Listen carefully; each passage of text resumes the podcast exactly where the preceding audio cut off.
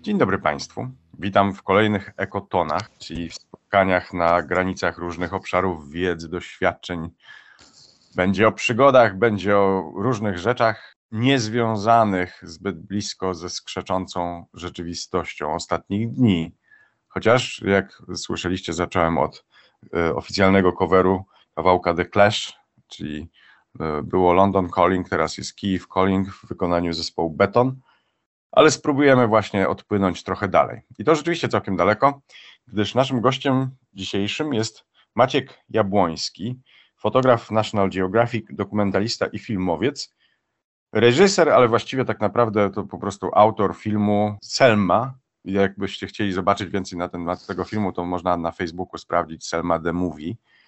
Tam jest jeszcze podtytuł bardzo poważny, prawdziwa przygoda z końca świata, tyle tylko, że on jest rzeczywiście opisowy i jak najbardziej prawdziwy. Zanim zapomnę, to y, cześć Maćku.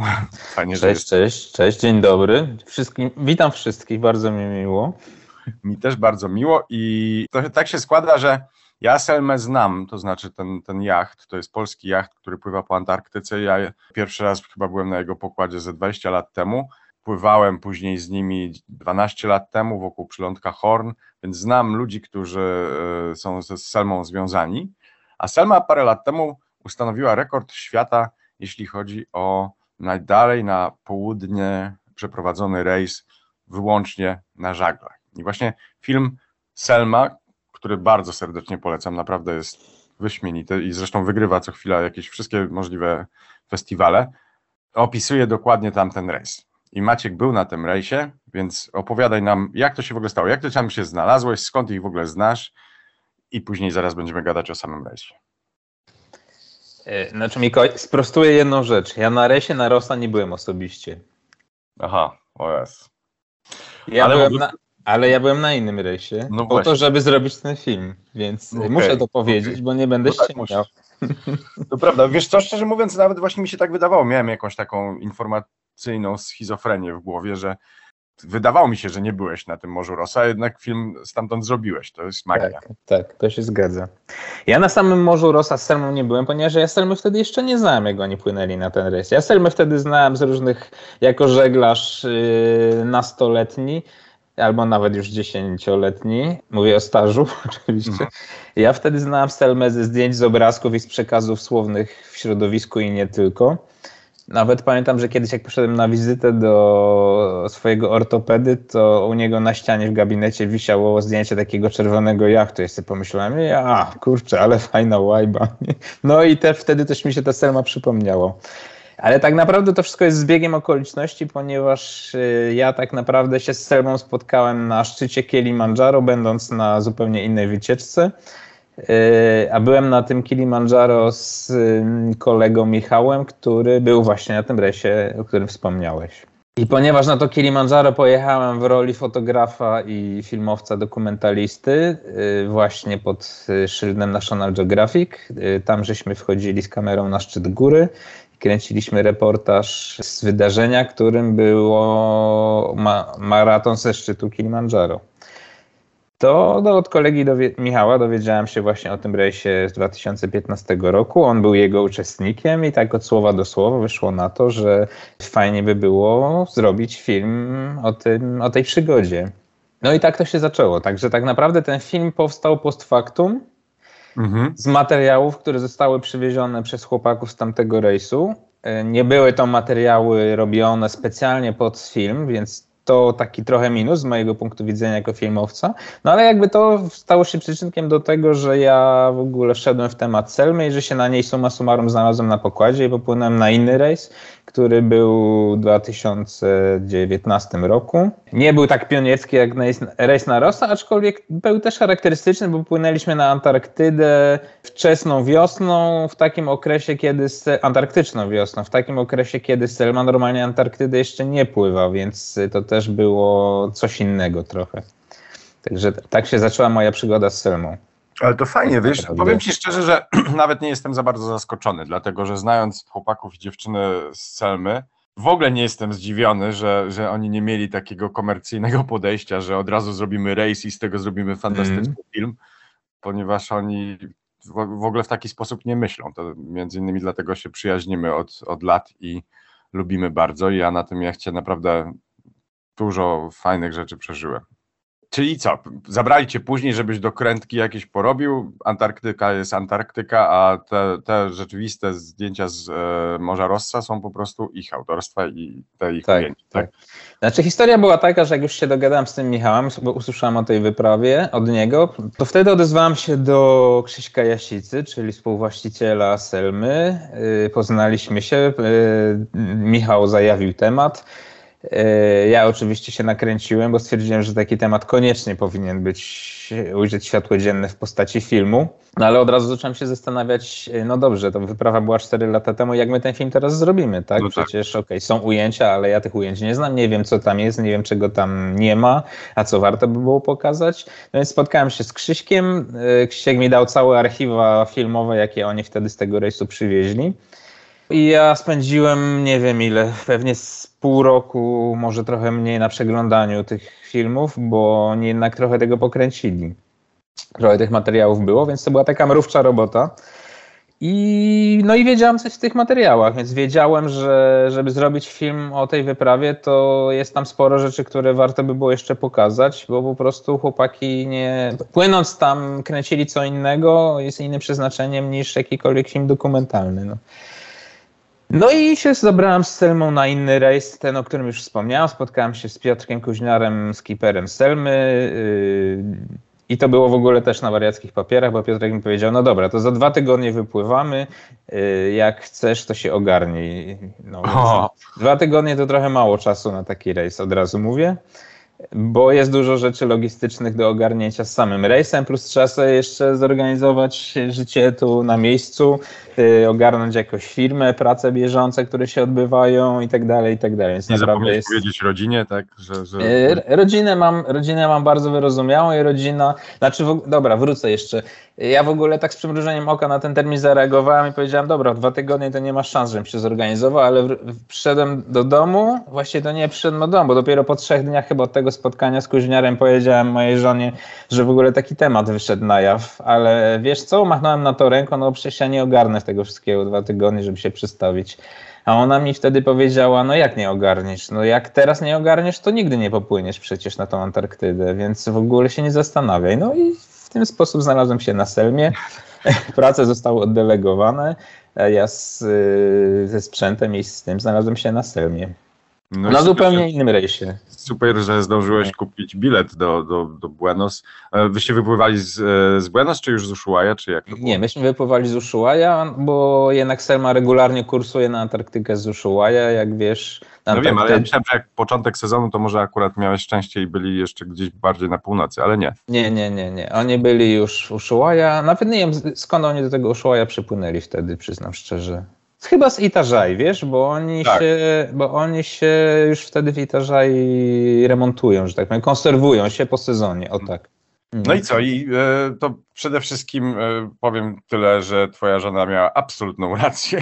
Jeżeli ktokolwiek z was kiedykolwiek ma szansę jechać na Antarktydę, to naprawdę zróbcie to. Niezależnie od tego, jakiego to wymaga, jakiej ekwilibrystyki organizacyjnej to wymaga. To wymaga, tak. Myślę, że każda podróż wymaga, jest warta ekwilibrystyki jakiejkolwiek, więc wiesz, zwłaszcza jeśli ona jest jak, jakkolwiek egzotyczna i dotyczy takiego zakątka świata, w który niekoniecznie łatwo się dociera, nie? to myślę, że to warto.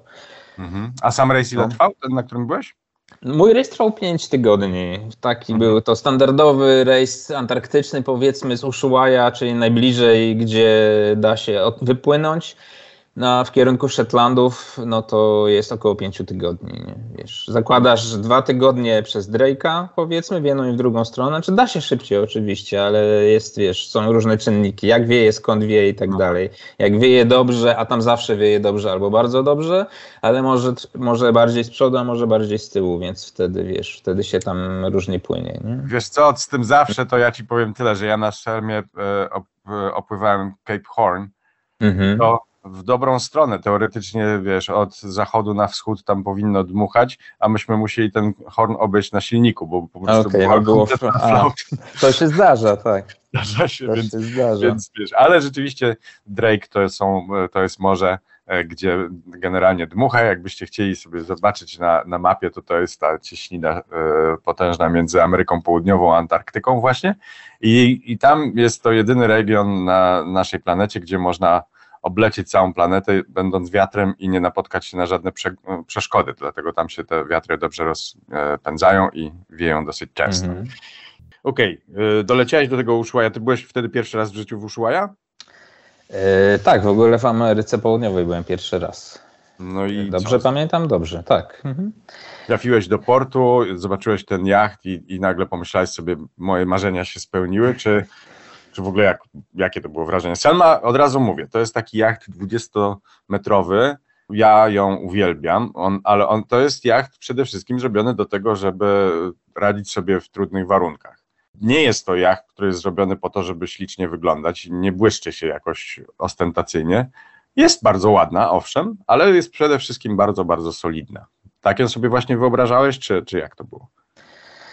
E, wiesz co, no więc ja jako żeglarz pojechałem, e, przyznaję, że jako żeglarz jechałem do tego Ushuaia tak trochę z duszą na ramieniu, bo ja trochę znam te historie żeglarskie i wiem, co to są ryczące czterdziestki i wyjące pięćdziesiątki e, i wiem, gdzie te wiatry się kumulują i tak dalej, i tak dalej, więc ja trochę tej literatury gdzieś tam łyknąłem spakowałem sobie do bagażu podręcznego Amundsena, prawdziwego wikinga, żeby się nastrajać w samolocie dodatkowo. dodatkowo. No więc jechałem z takim, z takim, y, z takim przeświadczeniem przygody, którą przeczytałeś w książce w wieku chłopięcym, a teraz ona się dzieje naprawdę. Takie było moje nastawienie. Więc wiesz co, no ja nie oczekiwałem, że to będzie jacht regatowy, w którym będą e, wygodne kojki i będzie się szampan w lodówce. Znaczy, no, na jachcie regatowym nie ma szampana, ale powiedzmy, że wiesz, będziemy tam sobie popijali whisky i tak dalej, więc faktycznie liczyłem, że to będzie ekspedycyjny jacht, ciężki. Natomiast no, o szczegółach dowiedziałem się na miejscu, nie? więc nie byłem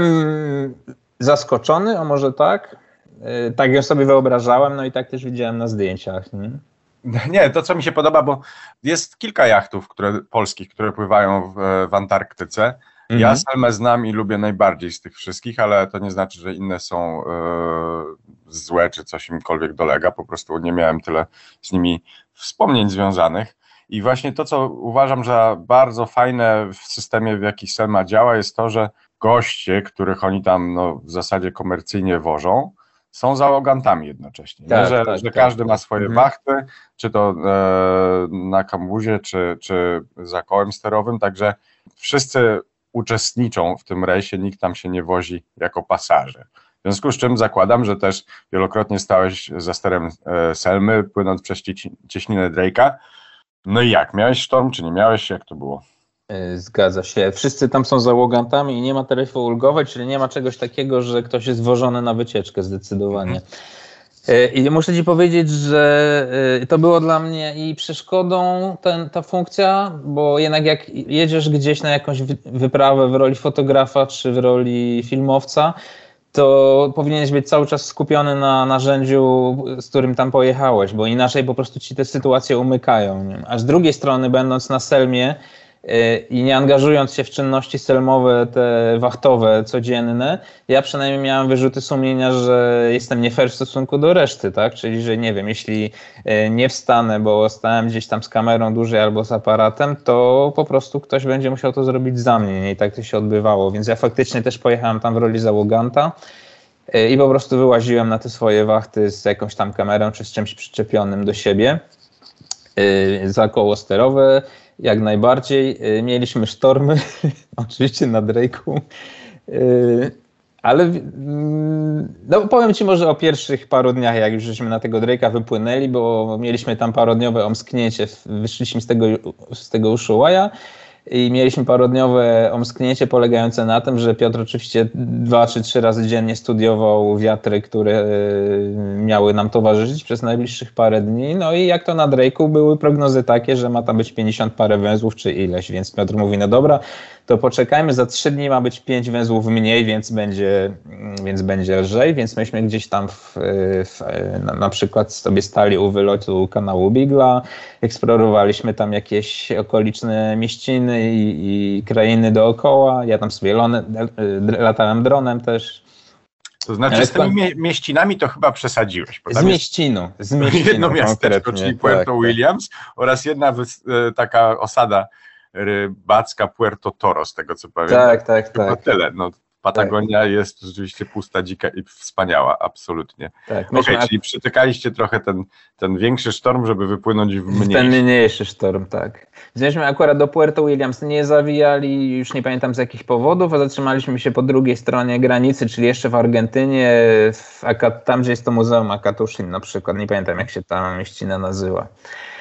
E, No ale w końcu wyszliśmy w tego Drake'a i pamiętam, że to, te pierwsze dni były ciężkie, ale wiesz co, u mnie, to, u mnie to bardziej polegało na tym, że mi po prostu bardziej wyobraźnia pracowała chyba na tym rejsie. Faktycznie, wiesz, no to jest taka żegluga oceaniczna, kiedy od, odbijasz od tego portu, yy, niebo robi się ciężkie, ciemnogranatowe albo ciemne, yy, morze jest jakie jest, woda się przelewa przez pokład i ty wiesz, że jak odbijasz, to tracisz kontakt yy, jakikolwiek telefoniczny, nie wiem, z, ze światem, w którym byłeś przed chwilą. I to było takie dla mnie trochę no jakby wiesz, przejście do innego wymiaru, tak? Więc ja, ja sta, jak stałem sobie w nocy za sterem na Selmie i tam z tym patrzyłem na te chmury ciężkie i na ten sztorm, to po prostu miałem obrazki rodem z Tolkiena przed, Mhm. przed y, oczyma i tak też mi się ten, tak też mi się ten rejs zajawiał. Ale po paru dniach pamiętam, że był taki moment, kiedy już żeśmy tam przystormowali, tak, wszyscy się już przyzwyczaili, że to tak po prostu będzie, a nie inaczej i nie ma co oczekiwać, że, że będzie lepiej. Po prostu tak tam jest. Pamiętam, że po paru dniach była taka noc, kiedy zaczęliśmy wachty lodowe i Piotr nas, Piotr nas yy, wachty lodowe polegały na tym, że żeśmy stali na, za sterem czy na pokładzie na zakładkę. Tak? Myśmy byli, podzieleni na dwuosobowe wachty, yy, takie do steru. Plus Piotr, który zawsze gdzieś tam na tej selmie w przybudówce jest na stand-by'u tak zwanym, ja to tak nazywam. On po prostu, on po prostu tam zawsze jest, tak? Śpi, żyje. Jak coś się dzieje, to zawsze, zawsze reaguje. Natomiast te nasze wachty na stand-by'u polegały na tym, że, y, Boże, na zakładkę polegały na tym, żeśmy zostawali dłużej niż te, myśmy chyba mieli wachty po dwie godziny, z tego co pamiętam. Chyba, chyba po dwie No godziny. i co, jedna osoba gdzieś jest na dziobie pewnie i patrzy, czy nie ma. E, No i jedno, tak, w tej dwuosobowej wachcie, w tym, jak, jak żeśmy zaczęli wpływać już w ten, w ten rejon, gdzie może być zagrożenie gór lodowych, to jedna osoba była za sterem, a druga z tej wachty stała e, przy wantach e, i wypatrywała lodu, tak? Mhm. I teraz pytanie, co to jest wypa- wypatrywanie lodu, wiesz, w ciemnej nocy, w ciemnej dupie, kiedy widzisz koniec swojego, swojej rękawiczki, jak wyciągniesz rękę przed siebie i naprawdę niewiele więcej widać. Nie? A do tego jeszcze Piotr ci mówi, że e, zdarza się, że ten lód jest koloru szarego, czy tam Tak. jakiegoś ciemniejszego, więc już w ogóle nic nie widzisz. Wiesz, jesteś w tym sztormie, wpinasz się do tych, e, wpinasz się do jachtu pr- przede wszystkim. Jakoś tam giełgasz do tych want, wpięty do tego jachtu, który tam rzuca na lewo i prawo. Wpinasz się do tych want, no i stoisz przy tych wantach wpiętych, wiesz, trzymając gwizdek w garści, a drugą ręką trzymasz się tych want, żeby nie wykopyrtnąć za burtę. No i co, stoisz z tym gwizdkiem i ja, ja przynajmniej miałem takie, wiesz, takie odczucia, że w ogóle procedura była taka, że jak zobaczymy lód, jakikolwiek większy lód, a większy lód oznaczało bryłkę lodu wielkości wiadra, powiedzmy, tak? Mhm. Powiedzmy, wiadro lodu uderzone przy prędkości jakieś tam kilkunastu węzłów w selmę y, przy tym sztormie mogłoby spowodować jakieś tam wgniotki czy inne komplikacje. No więc jak zauważysz tą bryłkę lodu, to masz y, gwizd- gwizdżeć głośno i pokazywać sternikowi, w którą stronę ma skręcać, tak? No więc Właśnie, to jest chyba istotne, nie? Że masz Tak. pokazywać kawałek lodu, czy raczej wręcz przeciwnie? nie, on masz mu pokazywać, co on ma robić z łódką, więc No. Wiesz, no i stoisz wpięty w te wanty, rzuca tymi żabami, masz ten gwizdek w gębie, yy, myślisz sobie, zagwiżdżę, a okaże się, że nic nie widziałem, no to będzie kwas, tak? Nie zagwiżdżę, a w coś przypierdzielimy, no to już w ogóle będzie siara, więc wiesz. I to było po prostu tak, i myśmy to mieli te wachty, te, te dyżury gwizdkowe, mieliśmy po 15 minut po prostu, żeby wiesz, twoja koncentracja też nie nawaliła. Więc pamiętam, że dla mnie to na przykład były najbardziej chyba wyczerpujące 15 minut naprawdę mojego życia wtedy, w tych interwałach. No. No ja powiem tylko tyle, żeby zamknąć wątek sztormowy, że jedno z moich absolutnie najmilszych wspomnień to jest właśnie sztorm na, na, na Selmie. Stałem długo za kołem sterowym. To było e, w drodze na Falklandy, z tego co pamiętam. I e, była, była noc, e, fale mi się nad głową przewalały w tej z powrotem. Ja byłem szczelnie ubrany, a w uszach miałem Rammstein na przemian z Rage Against the Machine. I to po prostu Okay. była jedna z najlepszych imprez, jakie ja w życiu pamiętam. Czyli bojowo Teraz- generalnie byłeś. No generalnie było bardzo, bardzo fajnie. Radio Spacja. A ile ty tego sprzętu tam za sobą zawiozłeś? Bo jak musiałeś, jeszcze zwłaszcza, że miałeś w ostatniej chwili się dowiedziałeś, no to nie mogłeś niczego posłać, nie wiem, na Selmie na przykład, tylko musiałeś wszystko ze sobą przynieść. Powiedz, ile miałeś kilogramów sprzętu? Biorąc pod uwagę, że to była produkcja niskobudżetowa, to wiesz, ja zabrałem też tyle sprzętu, raz, a ile miałem, bo ile byłem w stanie wsadzić do plecaka i go po prostu zabrać na pokład samolotu. Ale jak się potem okazało yy, w praniu, nawet jakbym zabrał, nie wiem, dużą kamerę, jeszcze większą kamerę, jakieś tam statywy, gimbale i tak dalej, to prawdopodobnie bym tego nie wykorzystał, bo warunki są takie, jakie są. No statyw mógłby się na tym pokładzie Selmy nie sprawdzić. No, znaczy, nie, miałem statyw ze sobą, wiesz, żeby go zabierać po prostu na ląd, na jakieś takie wycieczki, które mieliśmy w planach, natomiast yy, trudno się robić zdjęcia w sztormie autentycznie, jak jesteś na jachcie, yy, biorąc pod uwagę, że jesteś zapakowany w x warstw różnych ubranek, masz dwie pary rękawiczek na sobie, woda się przelewa przez pokład, ty się trzymasz łódki i wiesz, i chcesz, i jeszcze masz się skupić na kadrowaniu tego wszystkiego i na kręceniu, więc to graniczy z niemożliwością naprawdę. Że Jest bardzo mało, a mnie zależało przede wszystkim, wiesz, ja miałem listę ujęć, mm, ponieważ zobaczyłem już to, co dałem, dostałem od Krzyśka Jasicy, więc miałem listę ujęć na kartce skrupulatnie zapisanych, które chciałem przywieźć z tego rejsu żeby oddać charakter filmu, żeby jakoś tam sobie y, wypełnić ten scenariusz, który miałem jeszcze w wersji takiej szkicowej, wiesz, w głowie.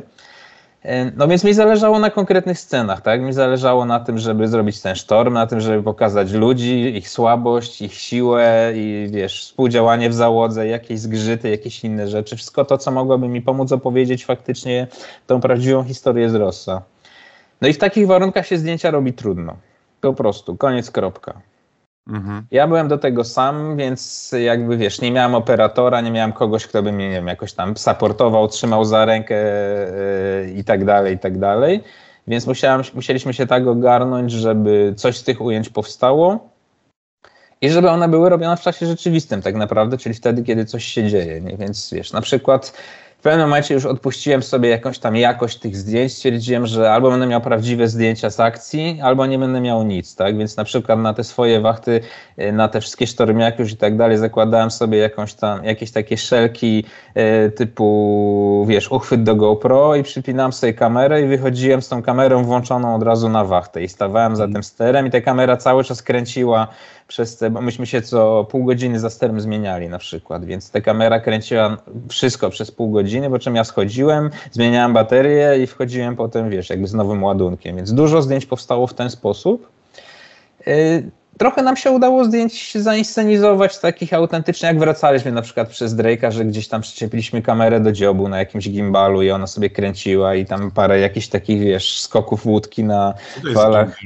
Przepraszam cię bardzo, bo Gimbal, Używasz- czyli, czyli stabilizator do kamery, taki, A, wiem. poziomuje, tak. Więc już udało się jakieś takie ujęcia zrobić, jak łódka sobie tam skacze na falach i woda się przelewa. E, No ale jakby miałem tego sprzętu takie niezbędne minimum, tak bym powiedział. Nie? Wiedziałem, wiesz, jak się z innych wycieczek fotograficznych wiedziałem, co mi jest potrzebne, żeby nie zginąć. E, No ale oczywiście jakbym, wiesz, jakbym pewnie robił ten film e, za inne finanse i miałbym sobie, i miałbym pełną dowolność w wybraniu sprzętu, to pewnie bym go wziął więcej, nadałbym go osobnym bagażem, zatrudniłbym kogoś pewnie do pomocy i tak dalej, i tak dalej. Ale z doświadczenia wiem też, że jak już się przepłynie tego Drake'a, nawet jeżeli tam jest sztorm, a często bywa, zwłaszcza jak się przez niego płynie 7 dni, bo ja na statku to przepływam tą odległość w 2 dni. Dwa dni. Się Mhm. tak, że, się na żaden sztorm nie załapie.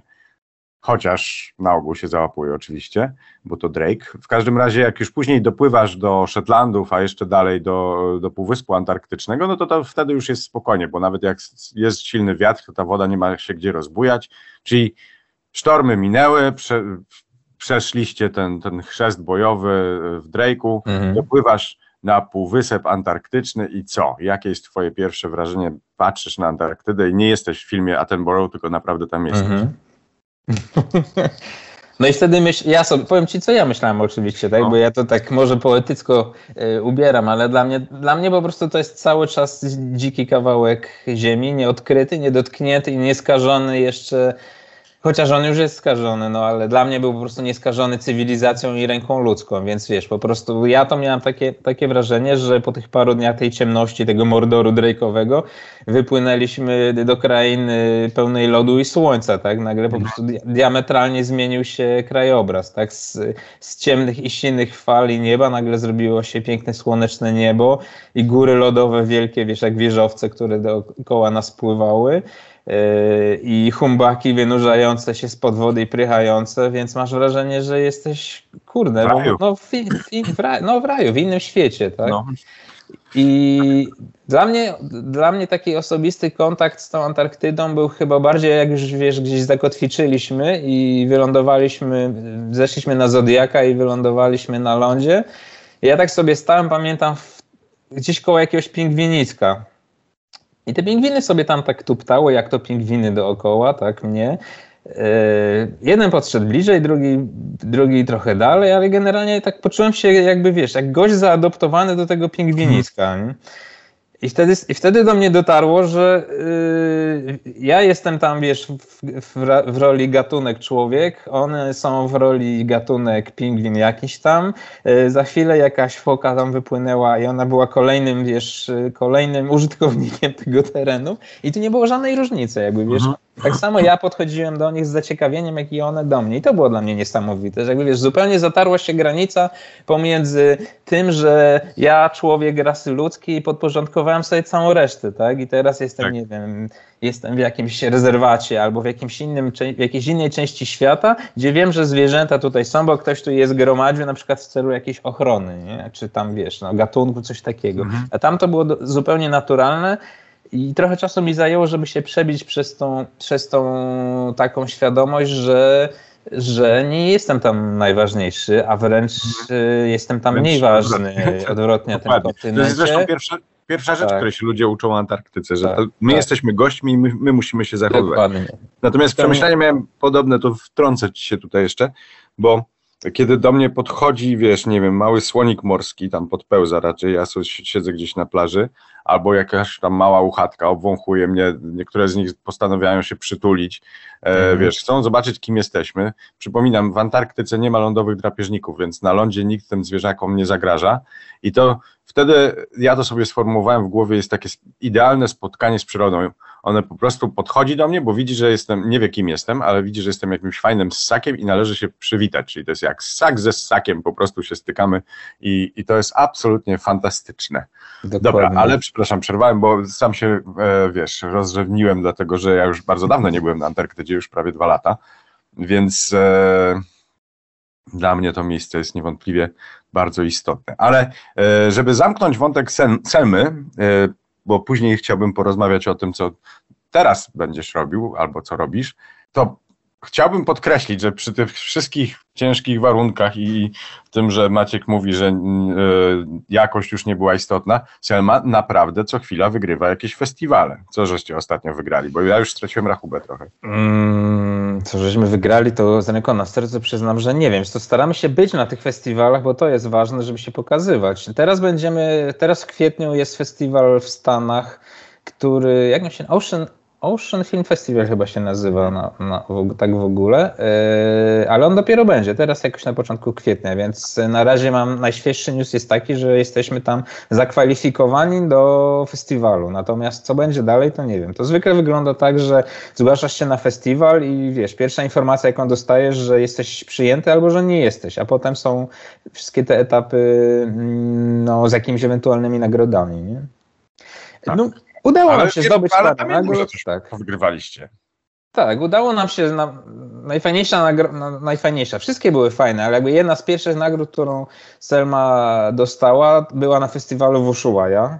No, no, tak, Jest tam taki festiwal całkiem prężnie działający się, y, festiwal filmów górskich, tu takie trochę może małe niekuriozum, ale zdecydowanie jest więcej filmów o tematyce, festiwali o tematyce filmów górskich, górskiej niż festiwali o tematyce takiej typowo eksploracyjno-żeglarskiej, więc ale ponieważ film dotyczy i rejsu, i wchodzenia na Erebusa, więc jest tam wątek yy, wyprawy górskiej jak najbardziej, to raz. Dwa, mm, uważam, że wyprawy żeglarskie czy takie eksploracyjne wcale nie tak bardzo się różnią od wypraw górskich eksploracyjnych. Tak? No cel jest jeden, że gdzieś trzeba dotrzeć, zdobyć coś pokazać, coś odkryć. Yy, są ci sami ludzie, taka sama, to samo współdziałanie w zespole, i tak dalej, więc dla mnie to te, te, dwa tematy wcale nie są tak odległe, więc Selma po prostu z tego też powodu y, była wysyłana na różne festiwale, gdzie akcja działa się w górach, niekoniecznie na morzu. Nie? Mhm. No ale wracając, wracając ale do nagród, to, ta Ushuaia była tak, takim mhm. tym.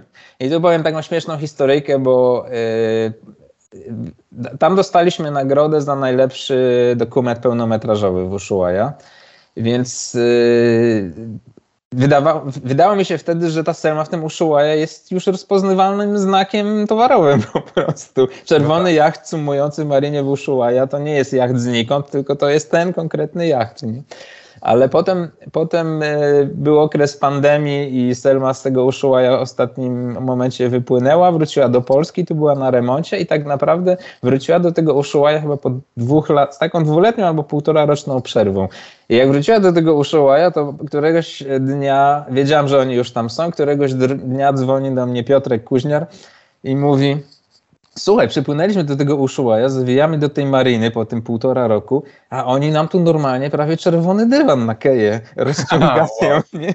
I nagle wszyscy w marinie wiedzą, kto ja jestem, nie? I, kto, i skąd myśmy się w ogóle, wiesz, yy, skąd myśmy przypłynęli, więc i się okazało, że że festiwal w Ushuaia, ta edycja, na którą myśmy wysyłali, yy, była chyba w takiej edycji hybrydowej już, czyli z powodu pandemii była trochę online, trochę offline ale miała swoją edycję w lokalnej kablówce. Tak, także nagle, wiesz, film pod tytułem Selma zaistniał w Argentynie w y, radioodbiorniku, zwał jak zwał i nagle, wiesz, czerwona łódka, tak jak powiedziałem, przestała być taką łódką y, trochę anonimową, a trochę, no trochę znaną, no bo oni tak tam długo pływają, ale... Dobra, to jeszcze spróbuję zamknąć wątek Selmy, chociaż słabo nam to wychodzi. E, e, powiedz tylko naszym słuchaczom, gdzie mogą ewentualnie się na ten film natknąć? Czy jest jakaś możliwość, żeby go obejrzeć? E, bo, bo naprawdę warto. To jest fantastyczny, absolutnie fantastyczny film. Z racji tego, że cały czas jesteśmy na etapie festiwali, czyli wysyłamy się na różne, na różne konkursy w świecie, to nie jesteśmy jeszcze dostępni w takiej dystrybucji online'owej, regularnej. Natomiast w Polsce można Selmę zobaczyć w tej chwili w regularnej ramówce Kanal Plusa i będzie ją tam można oglądać do końca 2023 roku, na co serdecznie zapraszam. Y, tych projekcji, tych projekcji jest kilkadziesiąt, więc na pewno da się to jakoś dopasować do. Też serdecznie zapraszam. No dobra, udało nam się powiedzmy, że ten wątek Selmy zamknąć, chociaż teraz ona będzie mi towarzyszyć w, w, myślach przez resztę dnia z całą pewnością. Natomiast powiedz, czym teraz się zajmujesz? Co, co teraz cię kręci? Wiem, że też szukasz sponsorów, także jeżeli by Państwo postanowili wesprzeć e, fantastycznego filmowca, to jak najbardziej jest to możliwe. E, możesz tam podać, nie wiem... I teraz się posypią oferty jedna po no, drugiej. Koniecznie powinny, ja bym natychmiast, gdybym miał no, cokolwiek no. dodania. Natomiast y, co teraz kręcisz? O, to jest właśnie, to tak się może napytać filmowców. Co teraz kręcisz? Co ty kręcisz? Więc wiesz, Mikołaj, nie z racji swojego y, zboczenia fotograficznego i filmowego generalnie kręcą rzeczy wizualne, natomiast z racji mm, przynależności tematycznej do Nationala, tak bym to powiedział, lubię robić materiały, które są o ludziach nietuzinkowych. No Piotrek Kuźniar jest takim doskonałym przykładem tak. takiego kogoś. Y, więc y, jakby w naturalny sposób znalazłem sobie kolejnego bohatera z Polski. Mogę powiedzieć o nim otwarcie, że jest to Krzysiek Starnawski, to nie jest żadna tajemnica. Mogę też chyba powiedzieć, że już była przymiarka do zrobienia filmu o, o Krzyśku Ale się nie udało, ponieważ Krzysiek jest notorycznie zabieganym facetem i wszędzie jest go pełno. Znaczy właściwie nigdy go nie ma na miejscu, o tak, on zawsze No gdzieś tak, jest... On zawsze siedzi na dnie jakiejś jaskini i bije In- rekord świata, tak? Tak, tak, zawsze jest w innej części świata albo gdzieś, gdzieś tam po prostu. Jak nie w samochodzie, to gdzieś jest zanurzony faktycznie. To jest osoba, która zajmuje się nurkowaniem jaskiniowym. Faktycznie ma na koncie ileś rekordów świata. Natomiast y, ja bym chciał zrobić film o człowieku, który. Y, Film nie dla nurków przede wszystkim. Chciałbym zrobić po prostu film o kolejnym odkrywcy. Dla mnie on zdecydowanie jest odkrywcą. O gościu, który podobnie jak Piotrek, wyrzekł się pewnych standardów i stereotypów życiowych po to, żeby realizować swoje pasje i po to, żeby dorysowywać jakieś kolejne kawałki mapy, tak? Bo Krzysiek jest akurat osobą, która po prostu zanurza się w jaskiniach i zagląda tam, gdzie nikogo wcześniej jeszcze nie było. To jest jego, to, to są rzeczy, które go najbardziej kręcą. Mhm. Yy, Jest pomysł na ekspedycję, która miałaby się odbyć w Meksyku. Miała się odbyć w tym roku, na przełomie marca i kwietnia. Przyznaję, że nie wiem, jaki będzie skutek tych, tego planowania. Yy, I to jest pomysł na połączenie dwóch systemów jaskiniowych w Meksyku. Mam nadzieję, że on się uda jakoś. No, chce wejść jedną dziurką, a wyjść drugą, tak? Tak, tak. Chcę wejść jedną dziurką na lądzie, a wypłynąć drugą dziurką gdzieś w morzu, ponieważ są przesłanki ku temu, że y, dwa systemy jaskiniowe są ze sobą połączone, ponieważ ileś tam kilometrów od morza to są wybrzeża Yucatanu, chyba najbardziej znane wszystkim nurkom jaskiniowym, bo większość, y, większość nurków chyba tam jeździ na takie nurkowania. Y, Są przesłanki, że takie, takie połączenie jest, ponieważ woda słodka gdzieś tam w morzu wypływa, robi się termoklina tak zwana, jak nie, Mhm. się nie mylę e, i to widać i no więc Krzysiek jest bardzo tym podkręcony i to jest, i to jest jego najnowszy pomysł. Szczegółów wolałbym nie zdradzać, No, nie ponieważ wiem, że tak na ten pomysł zasadzają się, zasadzają się różni odkrywcy i podróżnicy, więc nie chcę. Chcę, żeby to był, chcę, żeby to był element tego filmu właśnie. Ale generalnie film będzie o nim, tak? I o pasji, i o odkrywaniu, i o tym, jaką trzeba mieć psychikę, żeby takie rzeczy robić po prostu, tak? I, i z czym się to wiąże. Pamiętam ostatnio, niedawno był tutaj naszym gościem nasz wspólny kolega, czyli Marcin Jamkowski, Jamkoś i opowiadaliśmy o odkryciu e, wraku statku Endurance e, Ernesta Shackletona i wiem, że do nich też się odezwałeś, prawda? Bardzo mi się podobało to, jak e, rozmawialiśmy, nie wiem, ze dwa tygodnie temu, mówiłeś, że a, no właśnie, napisałem do nich Tak. i czasem to jest tak, że z głupia frant gdzieś się odezwiesz do ludzi obcych i to zadziała, ale tym razem nie zadziałało i kto za ciebie tam pojechał? No tak, ja jestem trochę naiwny, Mikołaj, przyznaję. Znaczy nie wiem, no czasami lubię tą swoją naiwność, a czasami ona jest krzywdząca, ale już pal to licho. Faktycznie odezwałem się do fundacji na Falklandach, która to organizowała, y, że bardzo chętnie popłynął z nimi jako fotograf. Mailowaliśmy długo, bez jakichś rezultatów szczególnych, ponieważ w ostatnim mailu dowiedziałem się, że popłynie tam fotografka, nagradzana zresztą na WordPress Foto, y, niejaka Ester Hor- Horwat się nazywa pani. A, no właśnie. tak, także No, ale prawa była. Nie należy próbować. Ja, e, jedno z takich moich ulubionych powiedzonek to brzmi w ten sposób, że e, o ile się nie zapytasz, to odpowiedź zawsze brzmi nie. Tak, A, tak. a Należy, takie rzeczy się należy zdarzają, tylko należy próbować. Zdecydowanie. Parę No dobra. przypadków życiowych pokazało, że z głupich pytań wyszły fajne rzeczy No i nikt by się tego nie spodziewał, więc tak, więc. No więc właśnie, bo jak nie, to ty to kto, nie? Mhm. W takiej zasadzie. Maćku, jakbyś na koniec właśnie, czy, czy ty masz jakąś stronę, gdzie mogliby cię ludzie znaleźć, żeby zobaczyć i na przykład właśnie, słucha nas z pewnością teraz 84 e, albo 84 milionerów, którzy postanowią zrobić ten film właśnie, więc, więc ułatw im to zadanie. Gorąco zachęcam, ba- pewnie. Przedstawię szczegóły. E, Mam stronę, strona jest e, naszego studia kameralnego o nazwie F11 i ma domenę f11-studio.pl albo f11-foto.pl, na którą na obie serdecznie zapraszam. Na jednej jest materiał filmowy, bardziej na drugiej fotograficzny e, z różnych tematów, z różnych części świata. Także serdecznie zapraszam. No i oczywiście na selmademovie.com. Selma The Movie.com to koniecznie. E, Przypominam, na fejsie nawet jest strona e, Selma The Movie. Bardzo Ci dziękuję za tą rozmowę. Bardzo się cieszę, że mogliśmy się spotkać. Bardzo dziękuję. Naszym gościem był Maciek Jabłoński, fotograf, e, National Geographic, dokumentalista i filmowiec. Ja ciągle nazywam się Mikołaj Golachowski. Dziękuję Państwu za, za to, że byliście z nami oraz zapraszam na następne ekotony. Miejmy nadzieję, że się odbędą. Wszystkiego dobrego. Dzięki, wszystkiego dobrego. Gramy dzięki wsparciu patronów Radiospacji. patronite.pl ukośnik Radiospacja